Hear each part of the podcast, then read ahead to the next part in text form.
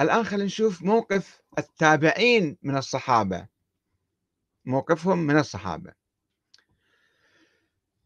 يسجل التاريخ مواقف وأقوالا لكثير من التابعين وتابعي التابعين ومنهم من يحظى باحترام أئمة أهل السنة كيحيى ابن عبد الحميد وعبد الرزاق الصنعاني ويونس بن خباب الأسدي وأبي الحسن أحمد بن علي الغزنوي وأبي إسرائيل الملائي وأزهر الحراني وأسد بن وداعة وتليد بن سليمان المحاربي الكوفي والحكم بن ظهير الفزاري آه، ابن أبي ليلى الكوفي وربيعة ابن يزيد السلمي وجعفر بن سليمان.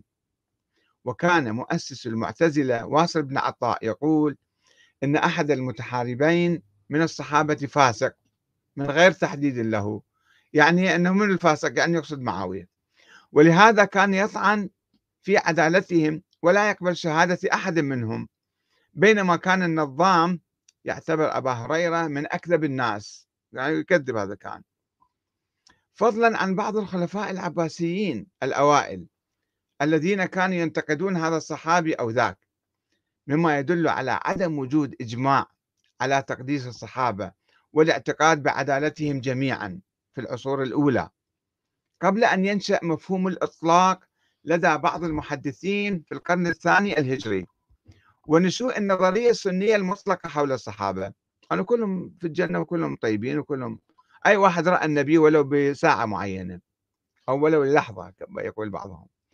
عندما انتصر جيش الدعوة العباسية ودخل الكوفة وبويع أبو العباس السفاح خطب داود بن علي ابن عبد الله بن العباس وهو على المنبر. أسفل من أبي العباس السفاح بثلاث درجات الخليفة جالس فوق وهذا تحته.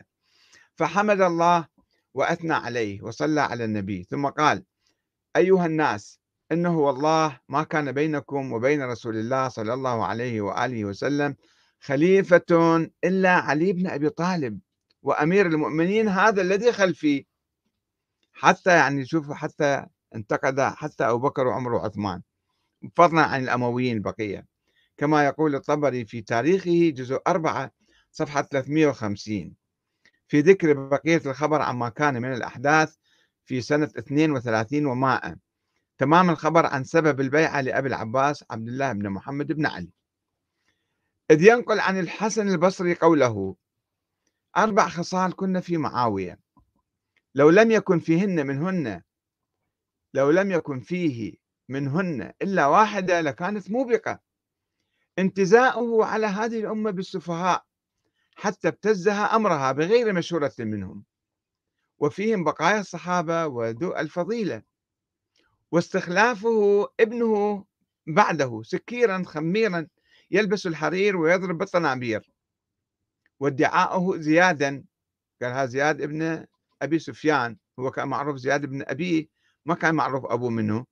فهو قال هذا أخي أبويا يعني جامع أمه. وقد قال رسول الله صلى الله عليه وسلم الولد للفراش وللعاهر الحجر. هاي النقطة الثالثة وقتله حجرا. ويلا له من حجر مرتين ويل له من حجر. هذا الحسن البصري كان ينتقد معاوية. كما يوجد في تاريخ الطبري جزء 3 صفحة 232 في تسمية من نجا منهم أصحاب حجر وقتل عشرة منهم وقتل ابن حجر أمامه أيضا. لأنهم رفضوا سب الإمام علي. قال يعقوب بن سفيان حدثنا عمرو بن عاصم حدثنا حماد بن سلمة عن علي بن زيد عن سعيد بن المسيب عن مروان بن الحكم. قال دخلت مع معاوية على أم المؤمنين عائشة رضي الله عنها. فقالت يا معاوية قتلت حجرا وأصحابه وفعلت الذي فعلت. أما خشيت أن أخبئ لك رجلا فيقتلك قال لا أني في بيت أمان. كتاب البداية والنهاية الجزء 6 صفحة 225 وبخصوص معاوية لم يكن كثير من الصحابة وأجلاء التابعين ينظرون إليه كصحابي مؤمن أو خليفة عادل. ولذلك فعندما توفي اجتمع من تبقى من شيعة الإمام علي في الكوفة وبعضهم كان من الصحابة.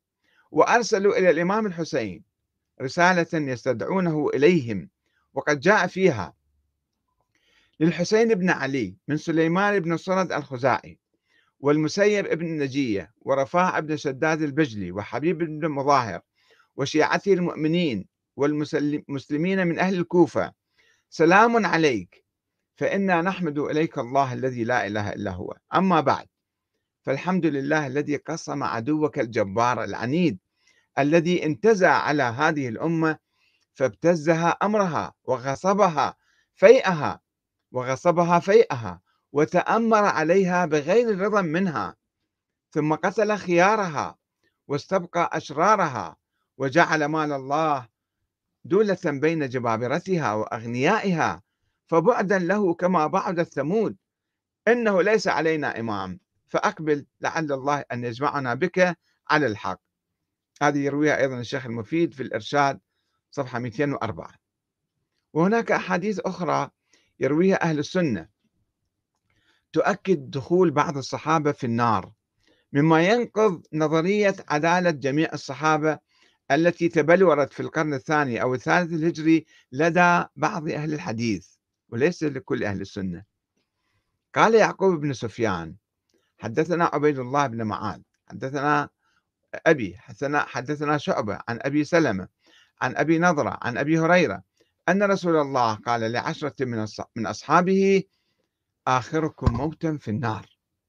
فيهم سمرة ابن جندب قال أبو نضرة فكان سمرة آخرهم موتا. قال البيهقي رواته ثقات إلا أن أبا نضرة العبدي لم يثبت له من أبي هريرة سماع والله أعلم. ثم روي من طريق إسماعيل بن حكيم عن يونس بن عبيد الله عن الحسن عن أنس بن حكيم.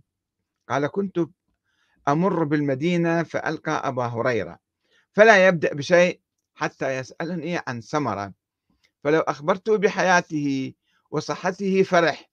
أنه هذا بعد يموت بعد يعني. وقال إنا كنا عشرة في البيت وإن رسول الله قام علينا ونظر في وجوهنا وأخذ بعضادتي إلباب وقال آخركم موتا في النار. فقد مات منا ثمانية ولم يبق غيري وغيره. فليس شيء أحب إلي من أن أكون قد ذقت الموت أموت قبل حتى لا أكون الحديث مطبق علي. وله شاهد من وجه آخر.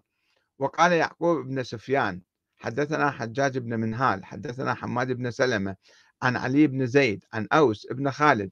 قال كنت إذا قدمت على أبي محذورة سألني عن سمرة وإذا قدمت على سمرة سألني عن أبي محذورة. فقلت لأبي محذورة ما لك إذا قدمت عليك تسألني عن سمرة وإذا قدمت على سمرة يسألني عنك. فقال إني كنت أنا وسمرة وأبو هريرة في بيت فجاء النبي فقال آخركم موتا في النار. نفس الحديث يعني. قال فمات أبو هريرة ثم مات أبو محذورة ثم مات سمرة هذا في كتاب ابن كثير. كتاب البداية والنهاية الجزء 6 صفحة 226